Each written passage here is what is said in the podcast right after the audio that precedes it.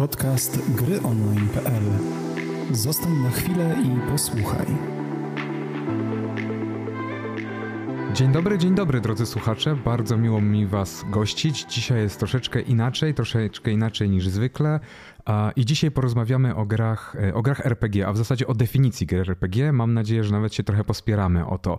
I tak, z mojego lewego cornera, że tak powiem, wychodzi przygotowany i gotowy do walki redaktor naczelny gry online, Krystian Smoszna. Dzień dobry a z lewego cornera przygotowany również, mam nadzieję, i takim bojowym nastroju, e, szef działu płatnych produktów, człowiek od wszystkiego, wielki miłośnik gier fabularnych RPG, Michał Rams. Cześć, cześć, witam was wszystkich. Ponad tydzień temu na Discordzie, naszym firmowym Discordzie zmierzyliśmy się e, w takiej, e, no niesłownej, tylko tekstowej powiedzmy, tekstowym starciu o to, czym są gry RPG. I e, ponieważ e, te argumenty padały dosyć długo i, i trudno było znaleźć jakiś taki e, zgodę, to, to doszliśmy do wniosku, że to jest ciekawy bardzo temat i w sumie warto o nim też podyskutować na podcaście. Dlatego dzisiaj e, porozmawiamy właśnie o tym, czym są gry RPG, jak rozumiemy my gry RPG, e, i, i czy, czy rzeczywiście coś się stało z tą definicją dzisiaj? Czy jest jakiś problem z tą definicją? Ja dzisiaj będę moderował, a zacznę od tego, że zapytam Was o to, Jaka jest najważniejsza cecha gry RPG waszym zdaniem? Jeżeli myślicie o grze RPG, to co to jest, co jest najważniejszą cechą gry RPG? Dla mnie najważniejszą, najważniejszym elementem jest to, co jest w nazwie, czyli odgrywanie postaci i najważniejsze jest to, że e, można kształtować tą postać tak, jak się chce, lub przynajmniej w ramach tego, jak twórcy gry mogą do, do tego dopuszczają. Czyli odgrywanie postaci, dobra. No, ale czym jest odgrywanie postaci? Może od tego zacznijmy. Tak, to jest dobre pytanie. w Red Deadzie odgrywanie postaci Artura Morgana czyni z Red Deada gry RPG? W końcu mamy postać, odgrywamy rolę i, i, i tyle. No. Dlaczego jedne gry są RPGami, a dlaczego nie są? Dlaczego Dishonored czy Deus Ex nie uważane, nie uważane są za RPG, a na przykład Wiedźmin 3, który jest przygodówką z elementami RPG, jest uważany za grę RPG? Dobre pytanie. Myślę, że dzisiaj spróbujemy na nie odpowiedzieć. Jak dla mnie ta granica jest bardzo płynna i tak naprawdę zależy od każdego z odbiorców i co, co w ogóle uważa za RPG, czy w ogóle o tym się, nad, nad, tym się zastanawiał, ponieważ często po prostu akceptujemy to, co gra daje, ale bez analizy jakiejś dogłębnej tego, czym jest pod, pod maską, jakby, jakby tak powiedzieć. Ja właśnie mam taki problem główny z tym, jeśli ja mam powiedzieć coś na ten temat odgrywania postaci, to ja mam taki właśnie problem, że z jednej strony to jest trzon definicji, ale zastanawiam się szczerze mówiąc, czy to nie jest trochę tak, że może z, jakby z definicji RPG należałoby usunąć to odgrywanie postaci, w tym sensie, że jest to bardzo bardzo niejasne tak naprawdę, bo tak jak mówisz, Uwał, odgrywamy postać Geralta, odgrywamy, możemy nawet podejmować jakieś decyzje, które ten książkowy Geralt na przykład by ich nie podjął, prawda? Tak, przynajmniej moglibyśmy podejrzewać, no, więc mamy na to, mamy jakąś swobodę odgrywania postaci, ale mamy też swobodę odgrywania postaci e, Artura Morgana, czy mamy swobodę odgrywania postaci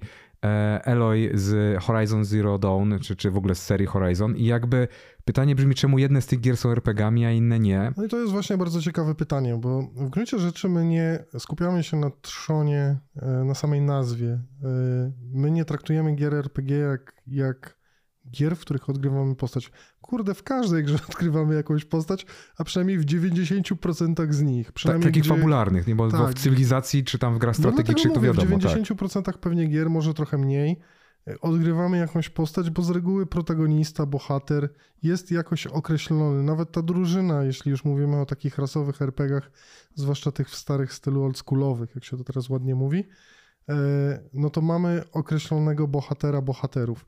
E, I praktycznie w każdej grze odgrywamy jakąś postać. Odgrywamy postać w Assassin's Creed, odgrywamy postać we wspomnianym przez ciebie Horizon.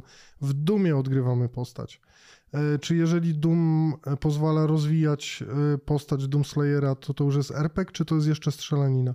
My się borykamy tak naprawdę na golu, bo ja w ogóle, to będzie dłuższy wywód, bo ja spowodowałem, ja byłem prowodyrem tego całego zamieszania związanego z dyskusją z jednej prostej przyczyny. Ja gram teraz sobie w Kingdom Come po bardzo długiej przerwie, bo wtopiłem w Kingdom Come zaraz po premierze 490 godzin, więc całkiem sporo. E, I po latach sobie wróciłem do jedynki, łudząc się, że w tym roku zapowiedzą dwójkę i będę na świeżo. Może nawet wydadzą, kto wie. E, I ja jestem tą grą zauroczony. Według mnie to jest najlepszy RPG, jaki istnieje w tym momencie. Y, głównie dlatego, że wrócę do tego, co, o co pytałeś Dźwiedzia, Michała. Czym jest RPG? Dla mnie RPG nie jest odgrywaniem postaci. Dla mnie RPG, RPG, przede wszystkim powinno dawać swobodę w wykonywaniu celów. Czyli to, co generalnie charakteryzuje w dość dużej mierze gry fabularne jako takie. Rozmawialiśmy sobie tutaj przed wejściem na antenę i dałem e, Dźwiedziowi taki prosty przykład, że jeżeli gram w grę fabularną i chcę pokonać dół, po prostu na przykład, nie wiem, idę lochem, albo idzie cała drużyna nasza lochem i widzimy dół. Mówi nam o tym mistrz gry i ja, przedstawia nam problem. Ja tylko tak dorzucę, gra fabularna mamy na myśli takiego pen Rasowego, and paper. Ta, e, tabletop Tak, RPG. czyli RPG, gdzie się siedzi z kartką i się w własnej wyobraźni, żeby, żeby była jasność dla wszystkich ewentualnych. I pokonanie dołu jest tak naprawdę kwestią właśnie naszej wyobraźni. Ogranicza nas tylko wyobraźnia, bo dałem taki przykład, że dół możemy przeskoczyć, możemy, nie wiem, sformować jakiś łańcuch, który przerzuci postać, ale dałem przykład sesji, którą odbyłem ze 25 lat temu, grając w Warhammera i właśnie był taki case, przypadek i taki problem do rozwiązania, w którym mój kolega po prostu stwierdził, y, chwilę wcześniej widziałem drzwi, sprawdźmy, czy te drzwi pokryją dół, wyciągnijmy drzwi z zawiasów i połóżmy na, na tym dole i nie, nawet nie sprawdzajmy, co tam jest na dole. To jest właśnie kwestia, yy, która dla mnie charakteryzuje przede wszystkim RPG. Nie to, czy gra ma współczynniki, nie to, czy rozwijamy postać. Bo Cyberpunk nie jest takim rasowym RPG tylko dlatego, że ma współczynnik siły.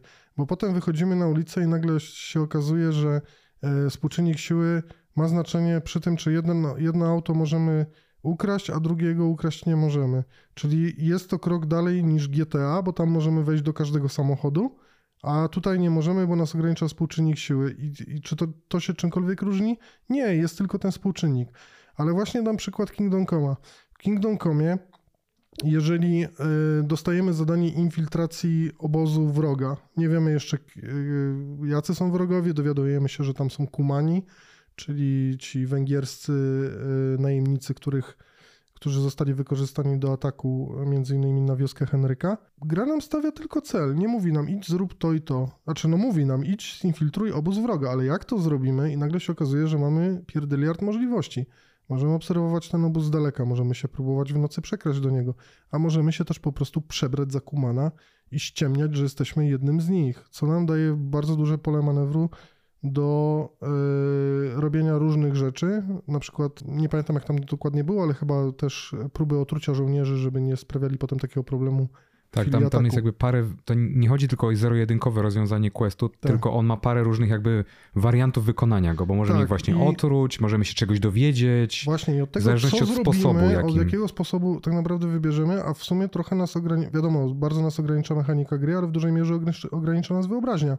W zależności od tego, jak podejdziemy do kwestii infiltracji, to zadanie się zmienia i to jest dla mnie to, jest dla mnie to co czyni Kingdom Come kapitalnym RPG-iem. A weźmy teraz dla, dla przykładu Wiedźmina. E, trójkę, który jest uważany przecież za jedną z najlepszych gier poprzedniej generacji, może i najlepszą, jedną z najlepszych gier ever. Ja nie mówię, że to nie jest RPG, bo wiadomo, że jest. My to wiemy, tak? To, to jest gdzieś zapisane w, w, w genach, że każdy, kto się gram interesuje, wie, że Wiedźmin jest RPG-iem. Ale w gruncie rzeczy tam masz czysto przygodowe rozwiązywanie problemów. To znaczy, wybierzesz jakąś linię dialogową i ona prowadzi do jakiejś E, do jakiegoś rozwiązania, druga linia może prowadzić do innego, ale nie masz w zasadzie żadnej swobody, żeby podejść do rozwiązywania zadań w inny sposób niż został przewidziany przez scenarzystów. I to dla mnie jest esencja RPGów, że ja przynajmniej mogę zrobić coś innego. Jeżeli nie mogę kupić y, czegoś albo nie stać mnie na coś, to mogę to ukraść jeżeli, e, nie wiem, chcę e, wykonać jakąś czynność, to w tej ograniczonej mechanice, bo wiadomo, że gry komputerowe mimo wszystko są w jakiś sposób ograniczone mechaniką, pozwalają mi przynajmniej spróbować albo wpaść na pomysł, jak zrobić coś inaczej. Tego mi w większości takich naprawdę docenianych RPGów brakuje. I tyle. To nawiązując do tego, co wcześniej mówiłem, i zaraz przejdę do tego, odgrywanie postaci, bo zapytałeś, czym jest odgrywanie postaci, to jest to, co mówisz, tylko inaczej powiedziane, ponieważ to są decyzje. Decyzje, które możesz podjąć i decyzje, które wpłyną jakoś na rozwój całej rozgrywki, albo na fabułę, albo nawet jak Henryk, powiedzmy, Czy w twojej głowie Henryk jest trucicielem na przykład, czy woli bardziej, nie wiem, honorowo podchodzić. Tam nie ma takiego miernika w grze, ale ty sobie możesz wykreować, każdy może sobie wykreować Henryka, jakiego sobie wyobraża, prawda? Jakim, jakim jest e, bohaterem, jakim jest człowiekiem i właśnie przez te decyzje, które, e, które podejmujesz podczas, e, podczas nawet tego zakradania się do obozu, tworzy twojego Henryka i mhm. każdy, każdy może być inny. No, zgadzam się w zupełności. No i... no i właśnie dla mnie to też jest takie ważne. Chodzi o podejmowanie decyzji i najlepiej, żeby te decyzje potem było widać. Jest trochę gier, które, które to szanują. Pod te podejmowane decyzje są jakieś callbacki, nawet są po prostu wspomnienie o tym, ale człowiek wtedy e, ma, masz taką świadomość, że to jednak zostało zauważone, to co postać zrobiła. Tutaj, tutaj jak patrzę i, i was słucham, to, to tak sobie myślę, że E, mimo wszystko troszeczkę inaczej tego podchodzicie, bo tak, dla ciebie UV ważne są oczywiście decyzje, ale też możliwość wykonania ich w sposób w, w miarę swobodny. No wiadomo, gra komputerowa nigdy nie dam nam no, takiej możliwości jak gra fabularna, gdzie w wyobraźni możemy jakby sobie wymyślić dowolną rzecz. Tam powiedzmy w rzeczywistości mamy tysiąc rozwiązań, nawet drobnego problemu. Gra jednak ma jakąś mechanikę ograniczenia. Dla ciebie z kolei, e, Michał, jest jakby... Mm, E, bo na przykład te decyzje, o których mówisz, albo to, czy, czy poczujesz, że świat się zmienił, to może być czysto przygodówkowa linia dialogowa. Tak jak na przykład w Wiedźminie. W Wiedźminie e, w, albo nie wiem, o weźmy, czy graliście w Pentiment na przykład. E, mhm. E, ja nie ty uwał, ale na przykład to jest taka typowo przygodówkowa gra w bardzo point, point and clickowym, czyli takim styl, starym stylu, a, ale mm, tam się duż, dosyć dużo, duże, znaczy duży wpływ mają twoje decyzje na rozwój fabuły w kolejnych aktach i w kolejnych jakby w historii. I to zupełnie nie jest RPG, ale jak w mało jakiej grze odczuwałem rolę i wagę decyzji w ostatnim tam roku, powiedzmy właśnie w, ty, w, w tym Pentimencie, a nie w jakimś RPG-u. Nie, żebym grał dużo w RPG w zeszłym roku, ale to jest jakby, więc trochę inaczej kładziecie te akcenty. Ja mam tylko taki problem z definicją e, ufała, znaczy w sensie z postawieniem bardzo mocno na e, swobodę rozgrywki, na swobodę rozwiązywania problemów, o może w ten mhm. sposób. Taki, że ona trochę wyklucza z, z, definicji RPG gry, które nam totalnie w oczywisty sposób przychodzą, jak myślimy o grach RPG. Dla mnie grą dzieciństwa i taką grą RPG, o której zawsze myślę, jak słyszę słowo RPG, to to mówię Baldur's Gate na przykład. I, I Baldur's Gate nie jest grą, która ci pozwoli na wiele sposobów rozwiązać różne problemy. Jest jakby dość, dość może nie, że liniową, bo to nie jest kazus japońskich gier RPG, które są, o których jeszcze mam nadzieję wspomnimy dzisiaj, ale jednak no nie, są, nie jest aż tak swobodna rozgrywka. A z drugiej strony dla mnie jest tak totalnie grą RPG i, jakby to, ta twoja definicja jest taka bardzo ekskluzywna, bardzo taka fajna, ale rzeczywiście wyklucza z niej wiele gier które byśmy pomyśleli, czy są RPGami po prostu, przynajmniej ja bym pomyślał. Dlatego teraz muszę odnieść się do tej dyskusji, która odbyła się na Discordzie, ponieważ ja w swoim życiu ograłem setki RPGów tak naprawdę, komputerowych. E, no, A konsolowych też? Tak. E, komputerowych zaznaczam, żeby była jasność, nie chodzi mi o to, żeby dodać C e, RPG, czy A jak action, bo wielu ludzi uważa, że na przykład Wiedźmin 3 jest action RPG, ponieważ można się tłuc w czasie rzeczywistym. Nie? To jak w Diablo. E, wielkiej różnicy nie ma, tylko w Wiedźminie jest więcej współczynników. I jest fabuła. Chodzi bardziej o to, że grałem mnóstwo takich gier i zaznaczyłem to już podczas naszej wymiany zdań na Discordzie, że to nie sprawia, że ja innych gier nie szanuję, bo ja też się wychowałem, nie wiem, wychowałem się na Dungeon Masterze, na Beholderze. To były kiedyś gry, gdzie po prostu wchodziło się do lochu, parło się naprzód, y, używało się w czasie rzeczywistym lub nie y, broni i tłukło się potwory i to było wszystko. Uwielbiam Grimrocka, ob, obie odsłony. Uważam, że to są kapitalne gry. I to też uważam, że to są RPG. To nie o to chodzi, że ja wykluczam Wiedźmina z tego towarzystwa, że stwierdzam dzisiaj, że Lance of Lore to nie jest RPG, że tylko y, Kingdom Come czy trochę też Skyrim, bo Skyrim idzie tą, tą drogą Kingdom Come, jeżeli chodzi o swobodę, tylko nie jest tak dobry, e, ale też tę swobodę zapewnia. Tam jest jeszcze inny element, o którym możemy pogadać, czyli kwestia rozwoju postaci, bo dla mnie też ma dość fundamentalne znaczenie. Zmierzam do tego tak naprawdę, że dla mnie nie, nie jest problemem, że gry są różne i określamy je wszystkie mianem RPGów. Problem mam taki, że dla mnie absolutem jest to, co, się, y, co próbuje zrobić Kingdom Come i co mu się w dużej mierze udało, a większość gier tego niestety nie ma. I chciałbym grać w taki RPG jak Kingdom Come. Nie koniecznie, że brakuje w nich fantazy, że je, mamy średniowiecze, że one są bardzo przyziemne, że Henryk jest w gruncie rzeczy takim chłopkiem roztropkiem. Nie o to mi chodzi. Chodzi mi o to, żeby gry mi pozwalały na pe pewnego rodzaju swobodę w ramach tych zamkniętych mechanik, jak, jakie niestety gry mają, ale czułbym się na tyle swobodnie, że tego nie będę zauważał. Niestety problem mam taki, że w większości dzisiejszych RPGów, które gram, cały czas czuję się, jakbym grał w przygodówkę. Po prostu y, rozwiązuję wszystko, y, pewne zadania, problemy jak po sznurku. I wygrywają tylko w takich przypadkach gry, które mają bardzo dobre dialogi, bardzo dobrze skonstruowane questy i Wiedźmin 3 tu jest naprawdę niezły, muszę przyznać, ale gra mi wtedy pozwala zapomnieć, że ja tej swobody nie mam, tak naprawdę. A Tyle. UV grałeś w Disco Elysium Grałem, ale niezbyt długo. i uważasz to za grę RPG, czy... No to jest... No...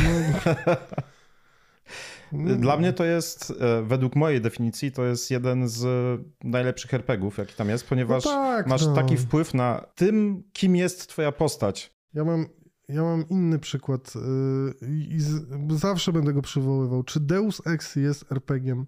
No Bo yy, mówi się o tym często, że to skradanka, nawet trochę to determinuje rozgrywka, bo tam jest też taki klasyczny gameplay, nie? Mówię o tych ostatnich odsłonach, że możesz yy, na dobrą sprawę też strzelać w tej grze i nic robić innego. Ale to strzelanie jest beznadziejne, czyli widać, że jest zrobione trochę na siłę. I, I czy to jest RPG? No, ma wszystko prawie to, co RPG mieć powinien, nie? A, a jednak się go nie uważa za RPG. Disco Elysium, no spoko. Yy, powiem, że w dużej mierze się zgadzam, chociaż nie skończyłem Disco Elysium, to akurat y, leży na tej mojej kupce wstydu, jak wiele innych gier zresztą, więc nie wypowiem się o całości, bo tego też do końca nie wiem. E, Pytanie znowu, czego oczekujemy, bo jeżeli na przykład w Disco Elysium decyzje przekładają się, e, podejmowanie decyzji przekłada się na to, co się dzieje dalej, to przynajmniej znowu dostajesz ten jeden element, w którym czujesz, że to, co robisz, ma znaczenie. Bo ja jeszcze się odniosę na chwilę do, do tej kwestii swobody.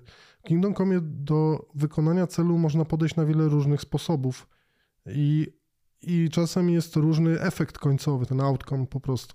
Ale czasem, jeśli gra jest bardzo dobrze napisana fabularnie, to wystarczy ci sam fakt, jak ta decyzja została przedstawiona, po prostu fabularnie i też czujesz się w jakiś sposób spełniony. Dlatego Wiedźmin mo, moim zdaniem jako RPG się broni, bo mimo tego, że podchodzi bardzo y, sznurkowo do kwestii questów i tak dalej, to jednak mimo wszystko czujesz, że zrobiłeś to, co trzeba i że to jest spójne z tym, czego oczekujesz od y, Geralta. Na tej zasadzie. Redzi są dobrzy w, w te klocki, Mhm. moim zdaniem. No, jeśli chodzi o Geralta, to możesz go odgrywać na jakieś ileś różnych sposobów, a te koniec końców decyzje, które podejmujesz, przynajmniej te najważniejsze, mają znaczenie. Na przykład, czy Ciri przeżyje. Spoiler, sorry. No wiesz, tutaj akurat moglibyśmy się kłócić, bo kwestia rozwiązania zakończenia Wiedźmina trzeciego no jest bardzo dyskusyjna, bo jeżeli gra przez wiele godzin zbiera powiedzmy te takie punkciki za to, jakie ma być zakończenie, a jednym z punkcików jest to, czy pójdziesz z Ciri porzucać się śnieżkami i jak stwierdzasz, że to był element, który przeważył na przykład, że miałeś takie, a nie inne zakończenie, bo dodał ci punkt do pozytywnego zakończenia, to stwierdzasz, że coś jest nie halo. Powiem ci inny przykład, No, ale- też z Wiedźmina. E, Kwestie rozwiązania na przykład wątku krwawego barona, gdzie też jest bardzo zero-jedynkowy, no albo rozwiążesz go pozytywnie, albo nie, ale przez cały quest nie czujesz tak naprawdę, że uczestniczysz w, w, w łańcuchu zdarzeń, który jest tak naprawdę zaplanowany od początku do końca. Nie, no, jesteś tylko obserwatorem. Tak. Na przykład to rzucanie ze śnieżkami to jest, to może być większa część tego, jak chcesz, e, żeby twój Geralt się zachowywał. Czy będzie e, takim może trochę chłodnym, ale jednak zawsze zrobi zadanie za darmo, czy takim, wiesz, najemnikiem skórnym, który nic nie zrobi, dopóki mu nie zapłacisz, z Ciri nie porzuca się śnieżkami, więc to może być również e, częścią Geralta, którego tworzysz, No który, co- który nie chce z Ciri się bawić, no spada jak młoda. No niby tak, ale z drugiej strony właśnie na przykład kwestia tego, jak e, e, Geralt podchodzi do kwestii do wykonywania kontraktów. E, Mówisz o skurwielu, który nic nie zrobi, jeśli mu ktoś za to nie zapłaci. No szczerze powiedziawszy, Geralt w zasadzie nie ma opcji zrobienia czegoś, jeśli mu ktoś za to nie zapłaci z jednego prostego powodu. Jeśli zadanie jest kontraktem wiedźmińskim, to zawsze grasz o stawkę. Jeśli kontraktem wiedźmińskim nie jest, to ci gra pozwala y, zrobić to powiedzmy za darmo, tak? Czyli dostajesz wtedy klasyczną nagrodę. No chyba, że od razu odwrócisz się napięcie i powiesz, nie chcę tego robić, bo przecież też taka, taka możliwość istnieje, tylko wtedy od razu zamykasz sobie dostęp do połowy zawartości gry, no bo nie chcesz robić zadań pobocznych na przykład, nie? Więc mhm. ja nie do końca uważam, że da się z Geralta zrobić skurwa w tej grze, e, na przykład w Wiedźminie trzecim. Jasne, można reagować w różny sposób na pewne sytuacje, bo gra daje taką możliwość, wtedy dialogi są inne, ale w gruncie rzeczy tak się sprowadza wszystko do jednego rozwiązania. E, nie masz tego outcome'u takiego zbyt różnorodnego, żeby nagle stwierdzić, e, zrobię coś inaczej. Jasne, są takie sytuacje, ale w tym takim szerszym wymiarze tak nie jest. Po prostu. Mm, ja pozwolę sobie tak na szybko przypomnieć, czy zebrałem w jednym miejscu takie typowe, krążące w internecie opinie na temat tego, czym jest gra RPG. To tak możemy się szybko przez to przelecieć. O odgrywaniu roli, odgrywaniu postaci mówiliśmy.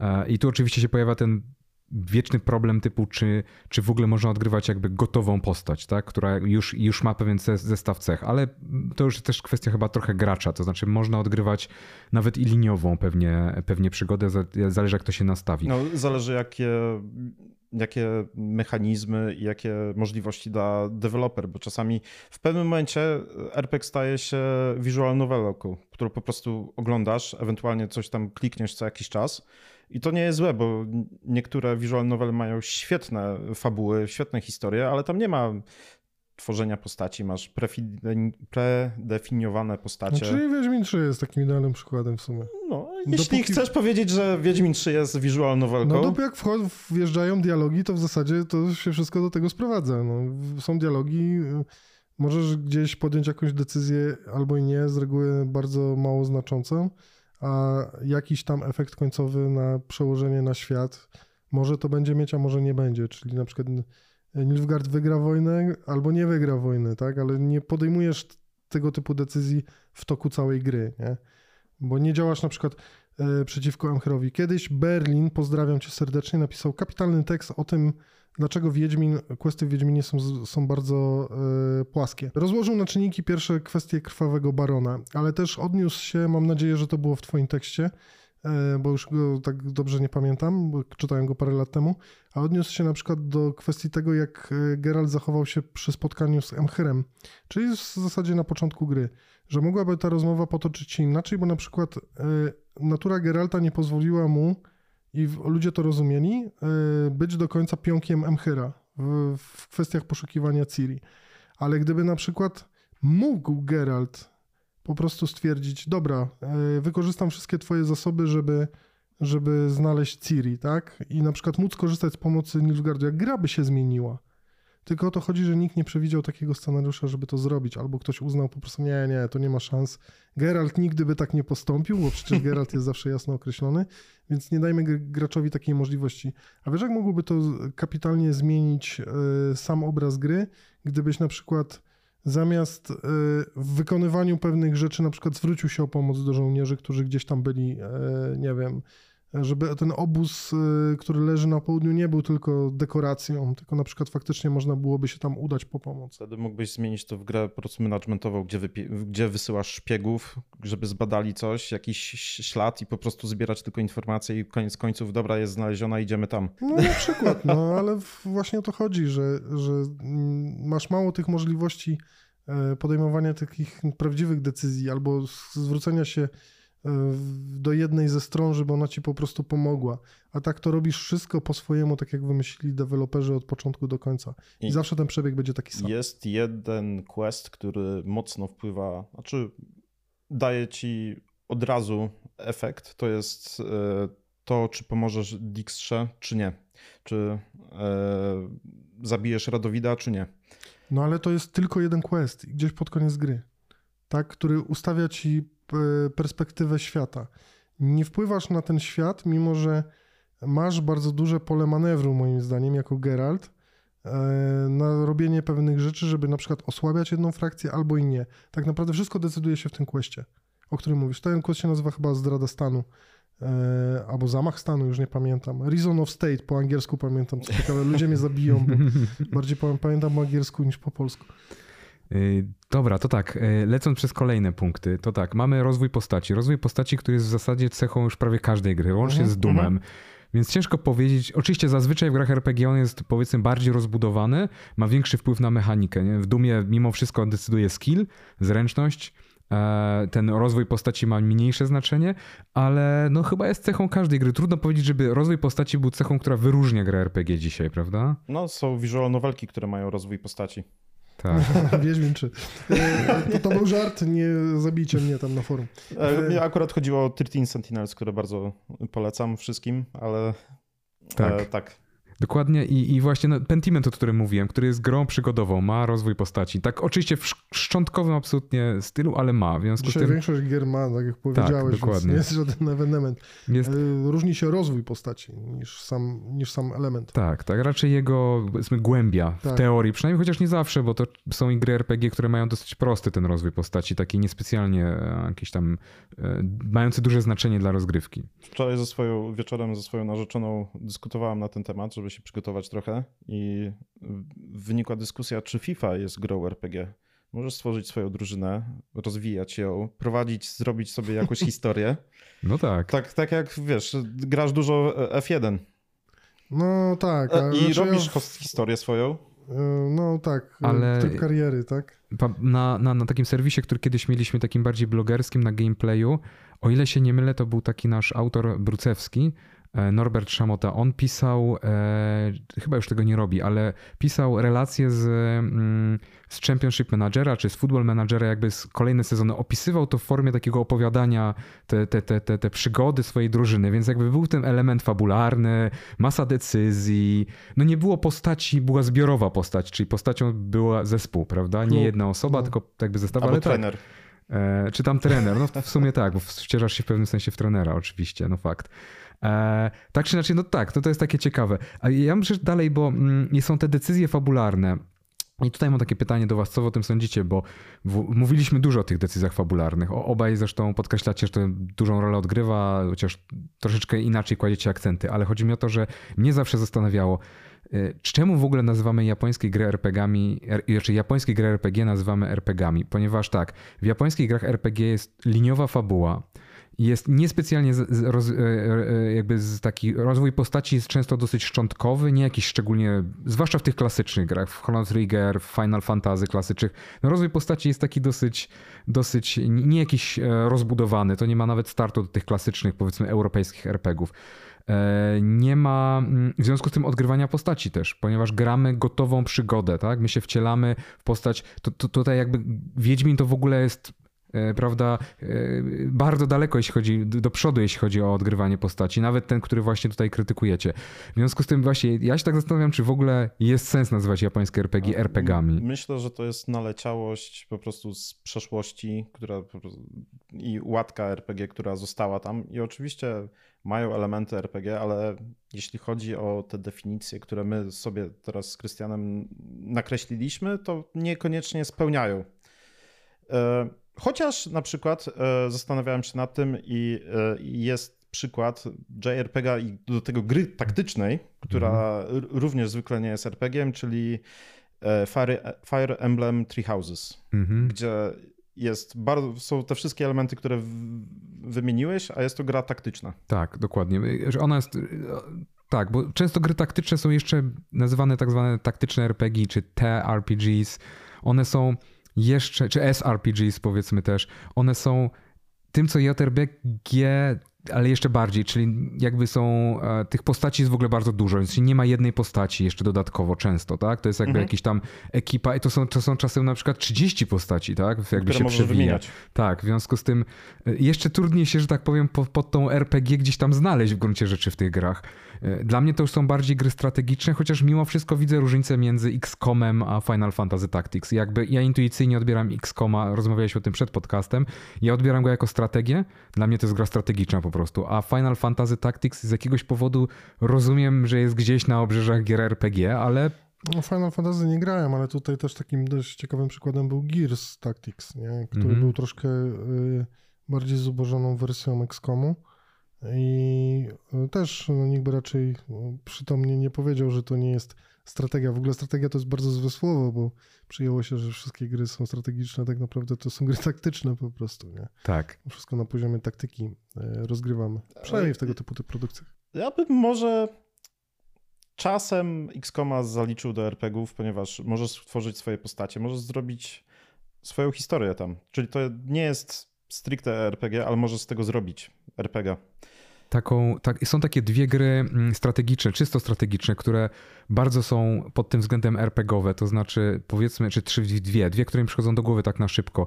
Crusader Kings to jest taka gra y, paradoksu, wielka strategia, w której się wcielasz w zasadzie w ród, w ród um, jakiś tam królewski, książęcy, w zależności od tego, kogo wybierzesz i ta gra generuje masę opowieści, które powstają przy okazji. To z tej gry właśnie są te, e, pamiętam, mieliśmy takiego newsa o graczu, który Eee, czekaj, dobrze pamiętam? najbardziej chorą postać, tak? Nie, nawet nie. Chodziło konkretnie o to, że chyba on zjadł papieża. W sensie jego postać zjadła papieża. E, tam był jakiś związek z kanibalizmem, on tego uwięził. Tam może dochodzić do takich rzeczy. I to nie jest tak, że ty podejmujesz taką decyzję indywidualnie, że czasem tak, czasem nie, bo czasem się pojawi okienko i tam masz decyzję, a czasem to wynika jakby, jakby to jest wynik pewnych decyzji wcześniejszych, pewnych e, us, e, predyspozycji twojej, twojej, twojej e, postaci czy twojego rodu, tego jak dobierasz sobie postaci wokół, jak rozwijasz tego swojego obecnego bohatera, bo ten, tak jak mówię, bohater się zmienia, on umiera i przekazuje swoją władzę kolejnemu. A druga gra to jest Dwarf Fortress. Dwarf Fortress to już jest w ogóle bardzo specyficzna gra, którą chyba trudno byłoby określić gatunkowo, ale to jest właśnie taka gra strategiczna, trochę może z niej w każdym razie czerpały gry typu Rimworld, jeżeli kojarzycie. Mhm. To może nawet bardziej, bo one są takie popularniejsze. Dzisiaj Dwarf Fortress przez to, że bardzo długo nie miało grafiki jako takiej, tylko takie bardziej znaczki y, w kodzie ASCII, no to była bardzo niszową i hardkorową grą. I Dwarf Fortress jest taką grą, a której jak słucham, jak ludzie opowiadają, to jest, to jest jak gry, jak, jak, jak sesje RPG. Tam się dzieją niesamowite rzeczy.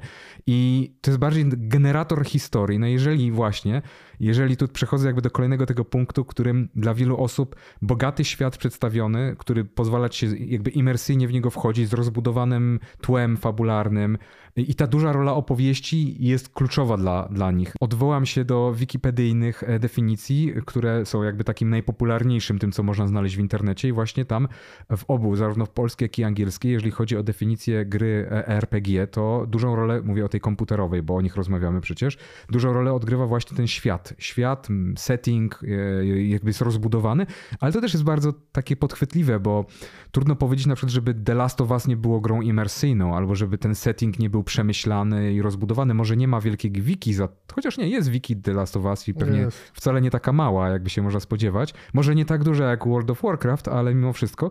Więc jakby to też jest trochę takie podchwytliwe, tak sądzę, bo, bo cóż z tego, że, że nie, że cóż z tego, tylko że bogaty świat jest cechą bardzo wielu różnych gier, gier akcji, które nie mają, które nie są, no nie nazwalibyśmy The Last of Us grą RPG chyba, tak samo Uncharted powiedzmy. No i ten rozbudowany świat właśnie, czy, czy, czy on jest tak ważny dla was?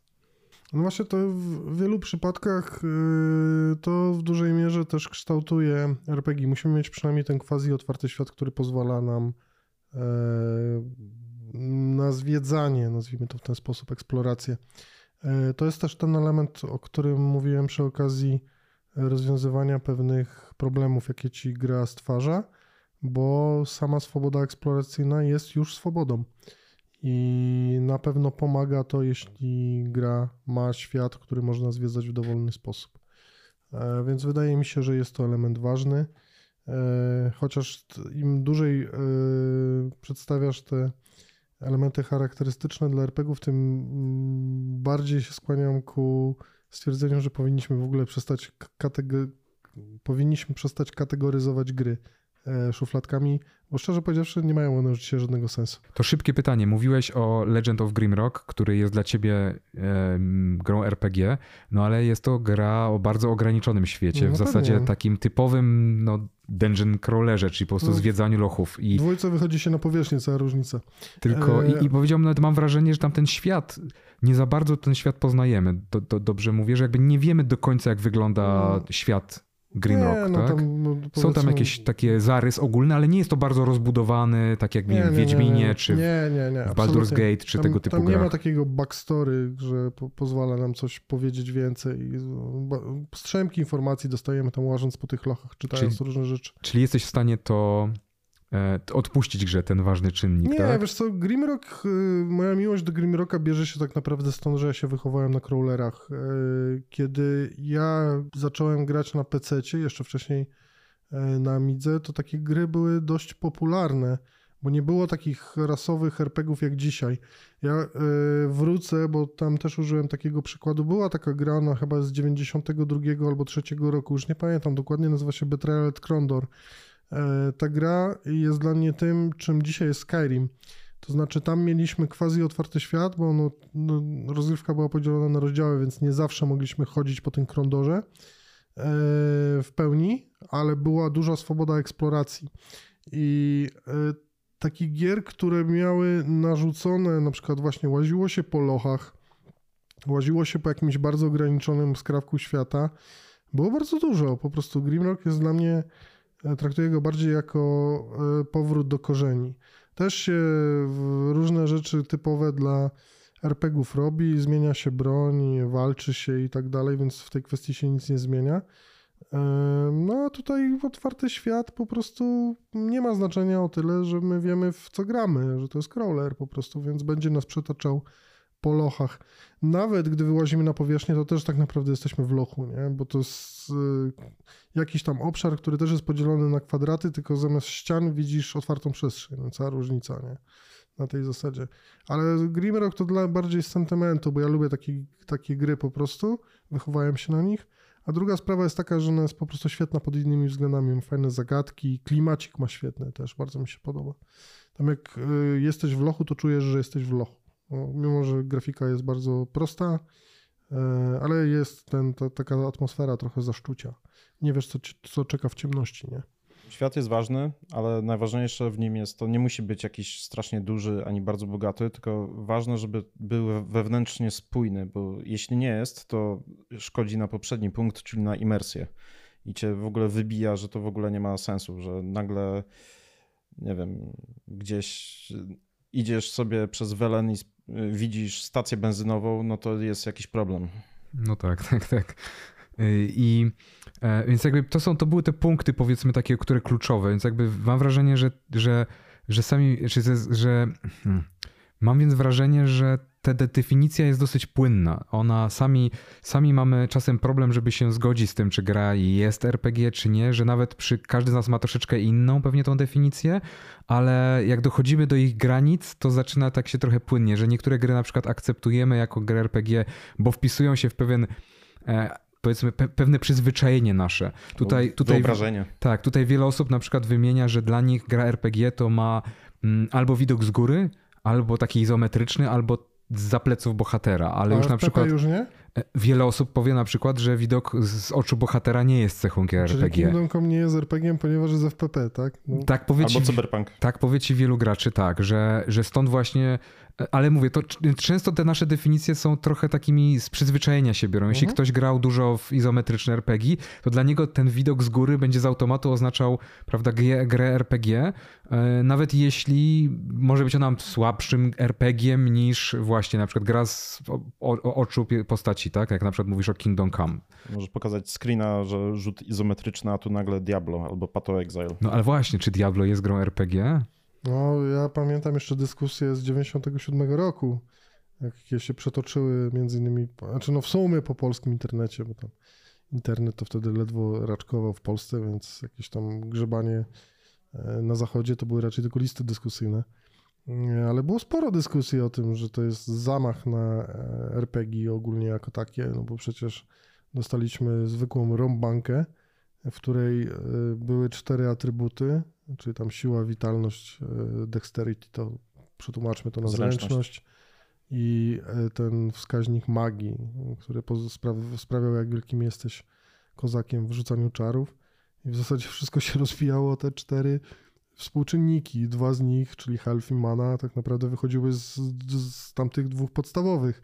I jedyne, co się tak naprawdę robiło, to się zmieniało bronię. No i I, no, dzisiaj raczej byśmy nie powiedzieli, że Diablo nie jest e, RPG-iem, bo dwójka czy trójka troszkę poszły dalej jednak w tej kwestii rozwoju postaci, ale przy jedynce był bardzo duży problem, bo to była dla wielu zwykła rąbanka po prostu. Czy Ja to- lubię to określenie w ogóle rąbanka. No właśnie, czy to nie jest dlatego powód, że nie, nie wchodziło w ramy RPG, dlatego stworzyło cały gatunek hack and slashy? Znaczy hak, no tutaj znowu, oj, weszliśmy na grząski grunt. Żaden, e, nikt na zachodzie ci nie powie, że hack and slash to są gry Diablo podobne, bo hack and slashem dla nich jest też Dark Souls i mm, w Polsce faktycznie w, nie używa się takiego terminu, że to są Diablo klony, chociaż na początku się używało, ale y, przy, jakoś tak zostało, że hack and slash to to jest izometryczna rąbanka. Y, stworzyło na pewno nowy podgatunek gier. Mamy y, jego reprezentantów bardzo charakterystycznych. Nie wiem, Poe, Grim Dawn. Każdy wie, z czego to się wszystko wzięło.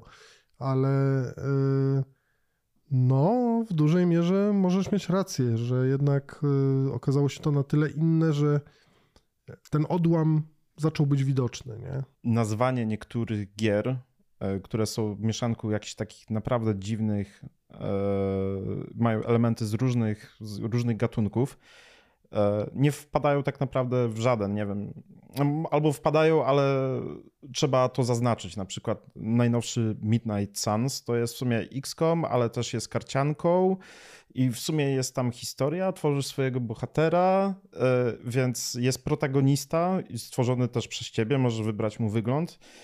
Łapie się pod RPG, ale czy na pewno? Przecież to XCOM. Myślę, że dużą rolę w kontekście takiego zamieszania może trochę odgrywa e, marketing wielu gier, bo twórcy chętnie podpinają swoją grę pod popularne hasło. Jeżeli chodzi o RPG, to jest bardzo, bardzo popularny mm, gatunek gier. Jeden z najpopularniejszych, jeśli nie w ogóle najpopularniejszy, z tych nazwanych. Są też takie gry, które w sumie ciężko jest nazwać, które są jeszcze popularniejsze, gry akcji powiedzmy. To, to, No, dlatego ciekawy był ten case Cyberpunka, bo w pewnym momencie Redzi tak jakby nie chcieli go sprzedawać e, tym hasłem RPG w pewnym momencie. tak. E, tak Za jak- mało sexy. Być może, że E. jednak y, sam, sam, sama taka przy, próba przynależności gatunkowej w dużej mierze cię ogranicza. Że może jednak y, dla nich marketingowo warto było bardziej trzymać się tej grupy gier podobnych trochę do GTA, że jednak y, mamy taką swobodę i, i te współczynniki cię nie zabiją, jak grę odpalisz, nie? Łatwiej nazwa- nazwać grą akcji z elementami RPG, a nie odwrotnie. Tak, tak, tak, E, E, dokładnie. Bo, bo to po prostu uderzy do większej e, rzeszy odbiorców i jeśli powiesz, że gra jest RPG-iem, to może część e, ludzi powie, dobra, to dla jakichś nerdów.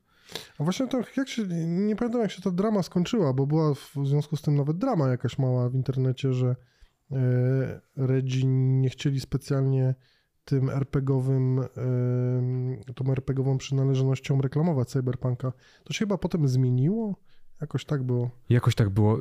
Wspomniałeś o GTA 5, ja sobie zapisałem o takich, z takimi różnymi ciekawymi punktami zaczepienia do rozmowy, ale e, GTA 5 nie jest grą RPG oczywiście, tak? Chyba się zgodzimy tutaj wszyscy No w jak to, takim że sensie. postać. No tak, Nawet trzy w piątce. ale, ale czy na przykład GTA 5 na roleplayowych serwerach, gdzie gracze wcielają się w postaci e, na przykład policjantów albo tam biznesmenów, różnego, różne role odgrywają i robią to w sposób konsekwentny, nie ma tam, nie ma tam możliwości łamania powiedzmy tej, bari- tej, tej piątej ściany, nie wolno powiedzieć niczego, co by niszczyło klimat. E, Czy na przykład, czy, czy wtedy GTA nie staje się grą RPG? Wtedy GTA jest tylko narzędziem albo medium do przeniesienia historii, która jest tworzona i postaci, którą stworzysz.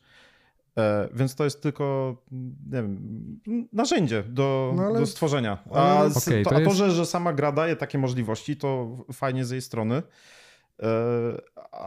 ale nie sprawia, że nie wiem, czy to w ogóle było na początku zamysłem. Na początku wyszedł tylko e, tryb fabularny GTA. No, był tam rozwijany też, ale dobrym przykładem jest Red Dead, bo y, w Red Deadzie wymyślono coś, rolę po prostu. Zaoferowano graczom role, w które można byłoby się wcielać, czyli właśnie na przykład chcesz być tylko bounty hunterem, łowcą nagród, możesz być tylko kupcem, znaczy nie tylko, ale możesz wcielać się w takie role, nie? bo gra nie miała żadnych ograniczeń, mogłeś robić tak naprawdę wszystko, co chcesz i w każdej tej roli jakoś uczestniczyć, ale jeśli chciałeś być przyrodnikiem, to gra dawała ci dość spore możliwości, żeby tym przyrodnikiem zostać. Co prawda to się ograniczało tylko do badania zwierząt, tak na dobrą sprawę i usypiania ich ewentualnie w celu pobrania próbek. Tak, nie wiem, czy graliście dużo w Red Dead Online, bo ja sporo, ale nie. no to jest właśnie takie próba stworzenia ról właśnie y, ściśle określonych w tym uniwersum. E, no więc jakieś tam próby faktycznie były e, w tego typu. Ale skoro, skoro jesteśmy przy grach sieciowych, to ja sięgnę do mojego boomerskiego wspomnienia. Jakiś tam końcu lat 90. pewnie. I e, Ultime Online to była taka gra no. MMORPG i pamiętam, że grałem na polskich shardach to się nazywało, czyli tak naprawdę serwerach. I te polskie szardy miały w ogóle, one miały takie warunki wejścia, żeby w ogóle stworzyć postać na tym serwerze, trzeba było najpierw odpowiedzieć na szereg pytań. I te pytania były takie RPGowe trochę, to znaczy typu na przykład napadło cię sześciu tam e, bandytów, masz przy sobie to i to, co robisz? No i tu musisz odpisać coś. I tam były różne pytania i one się sprowadzały do tego, że te szardy nie chciały, czyli ich twórcy nie chcieli, żeby na serwery trafiali ludzie powiedzmy jacyś tacy skupieni na zabawie, na trollowaniu, na, na wygłupach, tylko chcieli, żeby te ich serwery były takie bardzo realistyczne. Tam można było dostać bana na przykład za powiedzenie, czy nawiązanie do naszej rzeczywistości, tej takiej prawdziwej. E, można było dostać jakąś karę właśnie za tego typu zachowania. I pamiętam, że to było w sumie takie doświadczenie bliskie już takiej sesji fabularnej e, gry RPG, takiej papierowej, bo tam rzeczywiście na przykład, e, żeby coś osiągnąć, trzeba było się skupić na jakimś zawodzie. Czyli na przykład ja byłem kowalem i tam chodziłem, wydobywałem rudy różne, można je było sprzedawać, był jakiś tam płatnerz, były gildie, to wszystko funkcjonowało. Pamiętam na przykład, że nie można było po prostu podejść, tam były takie komendy, nie można było po prostu napisać shop w czy tam kup, powiedzmy, podchodząc do, do, do, do sklepikarza, tylko trzeba było sobie przygotować taką komendę typu na przykład y, witam cię szanowny kupcze, czy mogę zobaczyć twoje towary, albo coś takiego. No i każdy to pisał po swojemu, albo robił sobie po prostu makra, bo to było prostsze, no bo jednak się to klikało czy dosyć często. Ale i teraz takie pytanie, Dźwiedziu, bo ty w sumie dużo grasz w gry RPG, ja myślę, że World of Warcraft sporo tutaj zrobił... Zapracował mocno na to, że, czy też może nie tyle jest to wina tylko Warcrafta, ale taki trend, że raczej gry RPG odchodzi, boże, gry MMORPG odchodziło od takiego czysto RPGowego charakteru, idąc w kierunku takiej dosyć liniowej, e, chyba e, liniowego doświadczenia. Ale jak ty sądzisz, czy, czy w ogóle ten element RPG w grze MMORPG takiej współczesnej, rozumianej właśnie jak World of Warcraft powiedzmy, czy to ma sens? Ma sens. Jeśli chodzi o WoWa, to e tam akcent jest bardziej położony na interakcje między graczami, które również na serwerach RP mogą odgrywać postacie. Tak. Ale tam dalej e, historia e, gra drugorzędną rolę. Teraz w tym nowym dodatku może to trochę chcą zmienić, ale to zawsze było drugorzędne. Tam e, historia, questline i tak dalej to była tylko wymówka, żeby dostać się do endgame'u. Ale z drugiej strony, e, na przykład Final Fantasy XIV online, moim zdaniem jest wcześniej RPG, a potem MMO. Głównie dlatego, że gdyby odłączyć e, grę od serwerów i żeby została sama rozgrywka singlowa, to gra dalej dałaby radę i miałaby sens i byłaby bardzo, bardzo ciekawa. E, więc, e, więc to tak, tak naprawdę ile RPG w MMO będzie, zależy od, e, od deweloperów. No i od samego community, jak to, jak to odbierają, bo na przykład w Finalu 14 celem jest droga i dotarcie do endgame'u, a nie sam endgame. Ponieważ sam endgame składa się, oczywiście są rajdy, są trudniejsze rajdy, ale to też jest sposób na dostarczenie historii, ale tam jest bardziej skupienie na e, jakichś e, śmiesznych eventach, na e, założeniu swojej gildii, założeniu swojego, znaczy stworzenie swojego wybudowania domu, e, co jest zupełnie inne niż w WoWie, gdzie jest hardkorowe ciśnięcie na wyniki, żeby być najlepszym, najlepszy gear, najlepsze wyniki, e, jak najlepszy dungeon zrobiony w jak najszybszym czasie, więc jest zupełny rozjazd w zupełnie dwie strony. E, jeśli, jeśli chodzi o, o te gry. E, więc odpowiadając na Twoje pytanie, oczywiście jest miejsce na RPG w MMORPG. Okej, okay, okej, okay, dobra, to, to, to było dla mnie ważne. Ja się tak zastanawiałem też na przykład z takimi rzeczami, jak będziesz ufał, bo e, czy Czy Gothic jest lepszą grą RPG od Wiedźmina 3?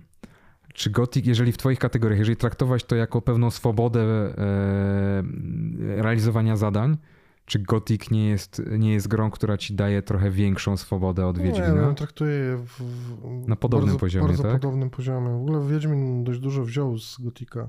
E, Coś o tym się mało mówi, ale mam takie wrażenie, że twórcy tam mm, dobrze mieli Gotika ogranego.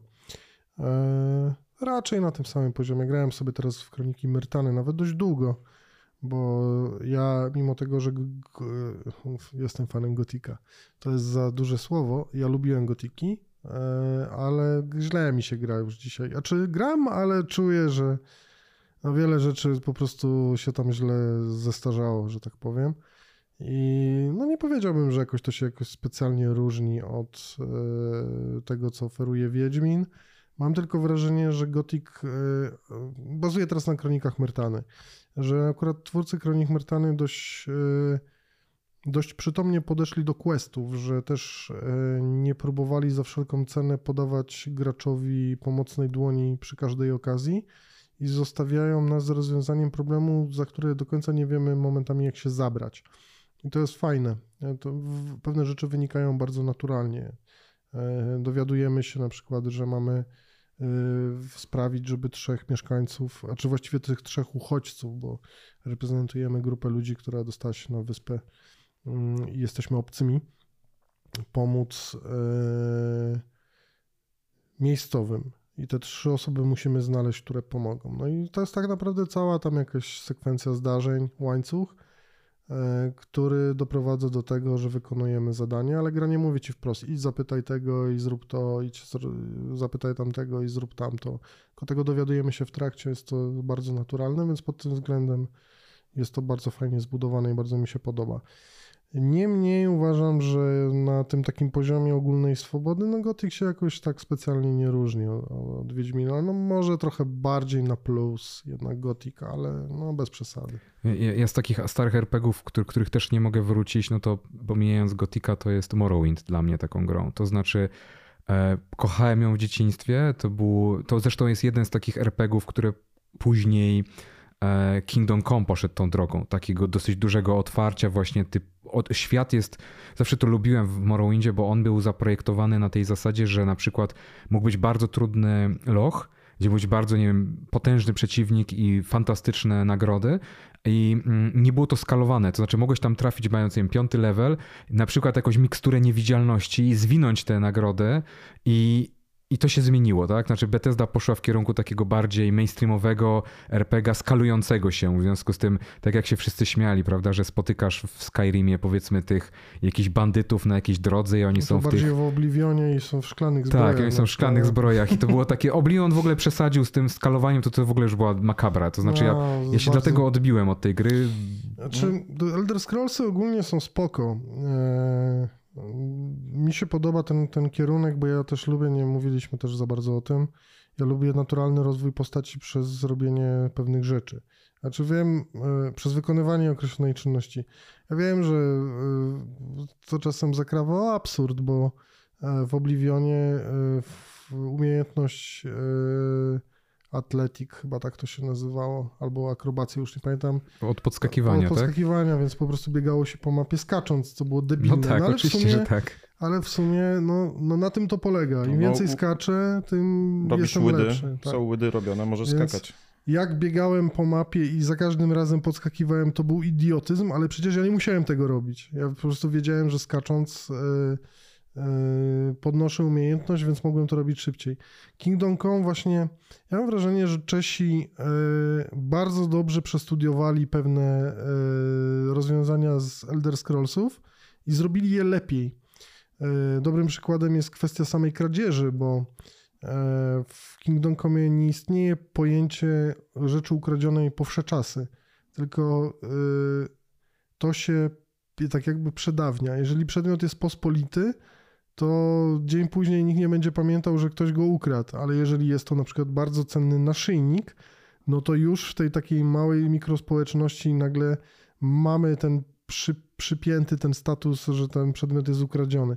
Więc w gruncie rzeczy nie jest tak jak w Elder Scrollsach, że za każdym razem musimy pójść do pasera w, w gildii złodziei, żeby coś opchnąć. Tu też to możemy robić, bo te funkcje pełnią młynarze, ale jeżeli na przykład y, buchniemy chleb, to nie sprawi y, to, że on godzinę później tam w takim realnym czasie gry y, będzie dalej ukradziony. I to, to są też takie właśnie rzeczy, które Elder Scrolls miało, ale jednak mimo wszystko Czesi zrobili je lepiej. Jest dużo takich, takich kwestii, bo akurat Kingdom Come to jest gra, w której postać rozwijamy e, poprzez wykonywanie określonych czynności, które są związane z umiejętnością lub atrybutem, który chcemy rozwijać. Więc w, w tym względzie to też znowu jest perełka. No, chcę być silniejszy, no to muszę po prostu się tłuc. Nie tłukę się, nie jestem silniejszy. I tak to działa. Chcę być bardziej sprawnym włamywaczem, to nie dostaję 15 minigier, w której przesuwam wsówkę i muszę tylko ustawić w odpowiedniej pozycji, bo jak nie, to się wsówka złamie. Tylko ja naprawdę muszę z tym zamkiem powalczyć, ale jak otworzę już 15 zamków, to już te zamki łatwe będą bardzo łatwe. I to jest kapitalnie zrobione w Kingdom Come. Ja w ogóle nie rozumiem, dlaczego ktoś się do tego systemu otwierania zamków e, czepiał. Po prostu miało być trudne, bo to było trudne dla Henryka i tyle. No. Mm, to było zrobione świetnie. Yy, omówiliśmy wiele. Kurde, wiele... ale bym zagrał w dwójkę. Już niedługo, Zaje... miejmy nadzieję. No, zajebista gra. Polecam, jak ktoś ja się lubi zgadzam. naprawdę w 100%. fajną grę. Miałem przygotowaną listę gier. E, czy graliście w Undertale'a? Nie. Ja nie. nie. Znaczy, no, był taki kiedyś plan, ale nie wyszło.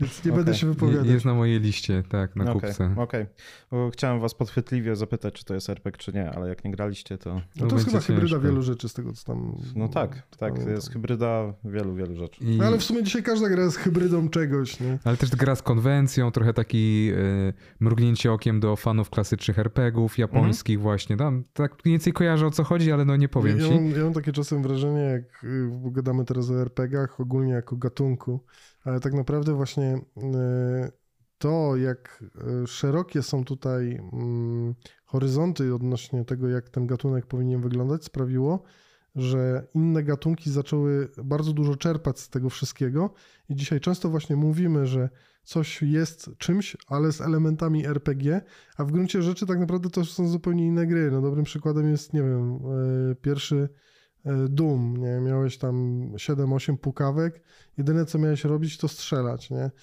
Ktoś następnie dodał do tego fabułę, ktoś dodał do tego fizykę, jak Half-Life. I już te gry zaczęły się przeobrażać. Jak ktoś potem stwierdził, że czemu ten bohater w sumie ma strzelać za każdym razem tak samo i to jest jedyna atrakcja, to zróbmy tak, że on będzie zdobywać punkty e, skillów i będzie jeszcze ulepszał swoje umiejętności. I to tak wszystko ewoluowało i praktycznie w każdym gatunku.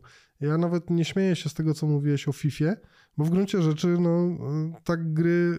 Ja pamiętam, ostatnią FIFA, jaką grałem, to była 9.8 i tam jedyne, co tak naprawdę e, było, to gra. Czyli musiałem mieć skillsy, żeby, nie wiem, wygrać mecz. Nie? A dzisiaj nie tylko trzeba mieć skillsy, ale jak sobie robisz taki tryb kariery, to trzeba jakoś umiejętnie przeprowadzać transfery, bla, bla, bla i tak dalej, nie? I to, tego jest faktycznie dużo, a to wszystko tak naprawdę sprowadza się do tego, że zostało wzięte z zupełnie innego gatunku i odpowiednio wplecione. Gdyby Diablo było tylko rombanką i nie miało współczynników, to byłoby bardziej grom RPG, czy jeszcze mniej grom RPG, nikt by się nie czepiał, nie? Na tej zasadzie. A w dwójce już skillsy i buildy, nie? No bo przecież można tworzyć buildy. No tak, więc, tak. Więc już mamy bardziej rasowego RPG niż Diablo 1, gdzie tylko Mac miał mógł 45 punktów siły i więcej się nie dało wrzucić, bo był to Mac. No, tak to działało. I na odwrót. Wojownik nie mógł mieć 4, więcej niż 45 punktów magii. Mogę teraz mylić się co do liczb, ale wydaje mi się, że tak było. Wielkiego starcia dzisiaj, e, jak widzicie, jak słyszycie, nie było, ale chciałem was spytać, czy ostatecznie na przykład widzicie jakiś problem z definicją e, RPG, czy, czy raczej, e, raczej nie? Czy, czy byście się jakby trzymali tego, tego, co do tej pory, czego, czego rozpoczęliśmy, czyli po prostu takiej szerokiej definicji? To jest tak, jak chciałbyś zdefiniować zupę. Czym jest zupa?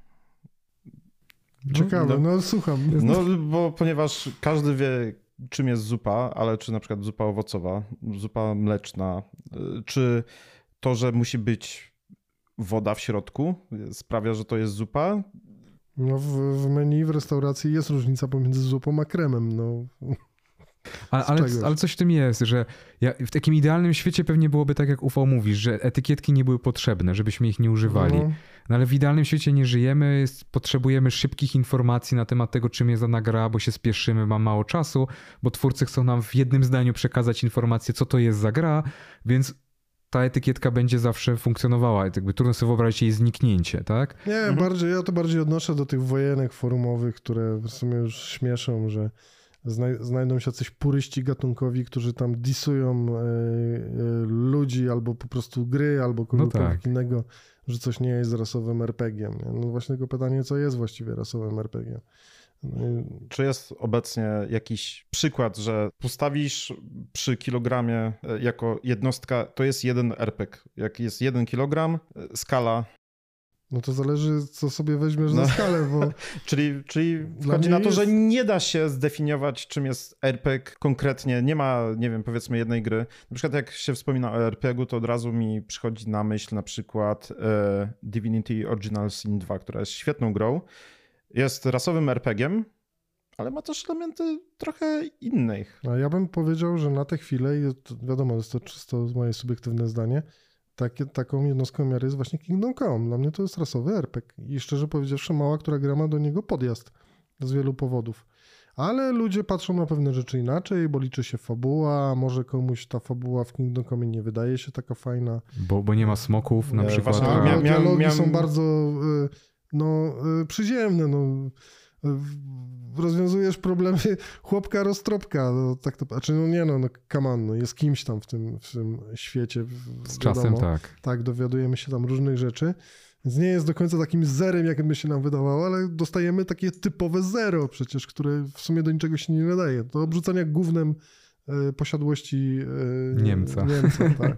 On jest Niemiec jako w grze, nie? Niemiec. Chyba tak. Tak, Niemiec. E, no tak, to chyba jednym z, z, z, takich elementów, dlaczego niektórzy nie uważają Kingdom Come za takiego jakiś przedstawiciela, ponieważ nie jest fantazją, nie ma magii.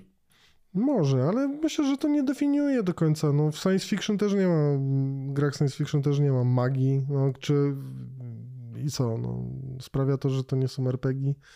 No nie, nie uniwersum ani nie setting. E, właśnie tym trudniej jest zrobić e, taką grę, która jest e, bardzo, mm, bardzo ograniczona przez brak elementów, które mógłbyś wsadzić i wytłumaczyć to tym, że to jest gra fantazy, nie? No bo przecież w Kingdom Come tak naprawdę tuczemy się tylko z ludźmi. Więc co to za atrakcja, nie? Ci ludzie inaczej wyglądają, są inaczej uzbrojeni, są inaczej wyszkoleni, ale to są wciąż tylko ludzie. Nie masz tak jak w Wiedźminie, że tutaj masz utopców, chwilę dalej walczymy z jakimiś gulami i to jest cała różnica, bo mimo wszystko e, rodzaj przeciwnika wymusza na nas trochę inną taktykę walki nie? i jest ta różnorodność.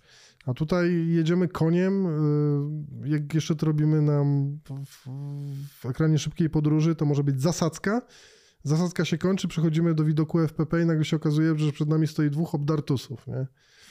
A w Wiedźminie y, chodzisz przypakowanym Geraltem jak y, jasna cholera, masz znak cechowy, którym chyba wszyscy w uniwersum wiedzą, że oznacza Wiedźminów i stoi bandyta na siódmym poziomie, ty jesteś na 35 i on chce z tobą się bić, nie? To no, a bicie tylko dlatego chce, ponieważ on jest zły, nie?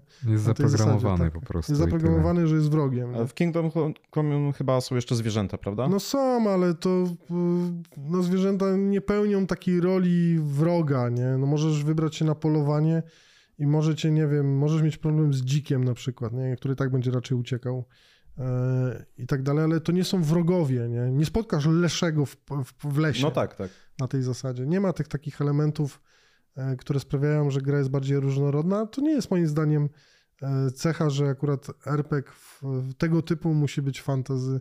Właśnie trudniej jest pokazać, żeby ta gra była ciekawa, jeśli e, jesteś w bardzo ograniczonych ramach. I oni jednak potrafili zrobić grę ciekawą. Nie? No tak, tak. Tylko bardziej chodziło właśnie o to, że fantazy jest pierwszą rzeczą, która przychodzi na myśl, jak powiesz na głos RPG. No, trochę coś w tym jest. Ja, jakbym, jakbym miał tą grę taką wymienić, to tak jak już wspominałem, dla mnie to byłby, może nie jest to idealna gra RPG, nawet na pewno nie jest, ale ja bym ją pewnie umieścił, to jest ten Baldur's Gate, e, pewnie dwójka. Mimo tego, że zgadzam się, że pod względem swobody, no to to Kingdom Come jest grą bardzo fajną, bardzo oryginalną. To znaczy ona wraca do mechanik, które porzuciła Bethesda dawno, dawno temu Mhm. i ulepsza je. I w sumie to jest takie dziwne, że nikt do tej pory tego nie zrobił praktycznie. To znaczy, tak, tak pamiętam, jak grałem w Kingdom Come pierwszy raz i sobie myślałem, czemu przez tyle lat nikt nie zrobił tak, tak, tego, tego samego. To, jest bardzo fajny mechanizm, bardzo fajny schemat. No ale, ale cóż, no, ważne, że jest jedynka, wychodzi dwójka, miejmy nadzieję, jak najszybciej. Oby, I, oby, oby. i, i, powoli będziemy kończyć. Mam wrażenie, mam nadzieję, że, mm, że wyciągnęliście z tej dyskusji coś ciekawego. E, Jak widzicie, nie doszliśmy do jakiegoś ostatecznego konsensusu. Nie ma chyba e, możliwości stworzenia takiej definicji, tak jak to mówisz, e, Dźwiedziu, w kontekście tej zupy, tak? Zgadzam się z tobą, bardzo adekwatne porównanie. I, I chyba tyle od nas, tak? Czy macie jeszcze coś do dodania na koniec? Grałem wczoraj, nie wczoraj, przedwczoraj w Kingdom Come, wczoraj mnie w domu nie było. E, I zorientowałem się po tych, bo pierwszy raz, tak jak mówię, chyba 470 godzin wbiłem. E, Teraz gram drugi raz. No mam ich zdecydowanie mniej, ale powiedzmy, że e, też nie, nie będę każdego skrawka mapy tam analizował. I zorientowałem się po tylu godzinach, że czytanie książek przy w łóżku jest w Kingdom Come jest bardziej efektywne niż czytanie książek w kiblu. Bo w, w, jak siedzi się w kiblu w Kingdom Come, to też się dostaje bonus do, czyta, do czytania umiejętności. No I stwierdziłem, ciekawe. Myślałem, że powinno być na odwrót, ale okej.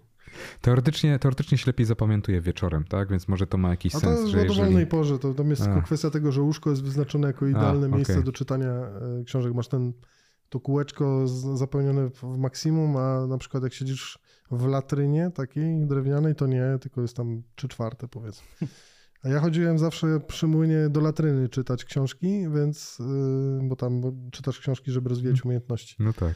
I zawsze mi się to wydawało dość zabawne, a się okazało, że to jednak do końca dobre nie było. Taki mały szczegół. No to teraz możesz min-maxować jeszcze bardziej. No teraz to już tylko w kiblu, czy, yy, w, w łóżku czytam. No ciekawe, bo ja chyba czytałem po prostu tam, gdzie był czas. Po prostu stałem w polu i czytałem. Więc jak widać, jak To widać, robiłeś to źle. robiłem to źle, dokładnie. Wreszcie już wiem, jak porządnie czytać książki w Kingdom Come. E, Spoko. Dobra, to dziękuję w takim razie bardzo wam za, e, za, dzisiejszy, za dzisiejszy podcast. Pozdrawiamy was serdecznie. Do, mm, w, w opisie do tego materiału na, e, na, na Spotify i na innych platformach znajdziecie linka do newsa na grę online, w którym będziecie mogli skomentować albo napisać własne wrażenia. Jesteśmy ciekawi, co wy uważacie. Ja jestem ciekawy, czy uważacie, że Wiedźmin 3 jest przygodówką z elementami RPG? Tak. czuję, że tam pojechany zostanę równo za to stwierdzenie. Więc bardzo, chęt, bardzo A zachęcamy nie do... jestem jego autorem, żeby nie było. Bardzo zachęcamy do komentowania. Wrzucimy też e, link do tekstu Berlina, o którym mówiłeś. Jeżeli by ktoś się chciał z nim za, zapoznać, to tam też No, e, się myślę, do tego odniesiemy. ciekawe. Tak, uważam, że jest bardzo dobry. To dziękuję Wam w takim razie bardzo, pozdrawiam i żegnamy się. Dzięki Trzyma- bardzo. Dziękuję. Do, Pa, pa. do usłyszenia. Pa, pa. Pa, pa.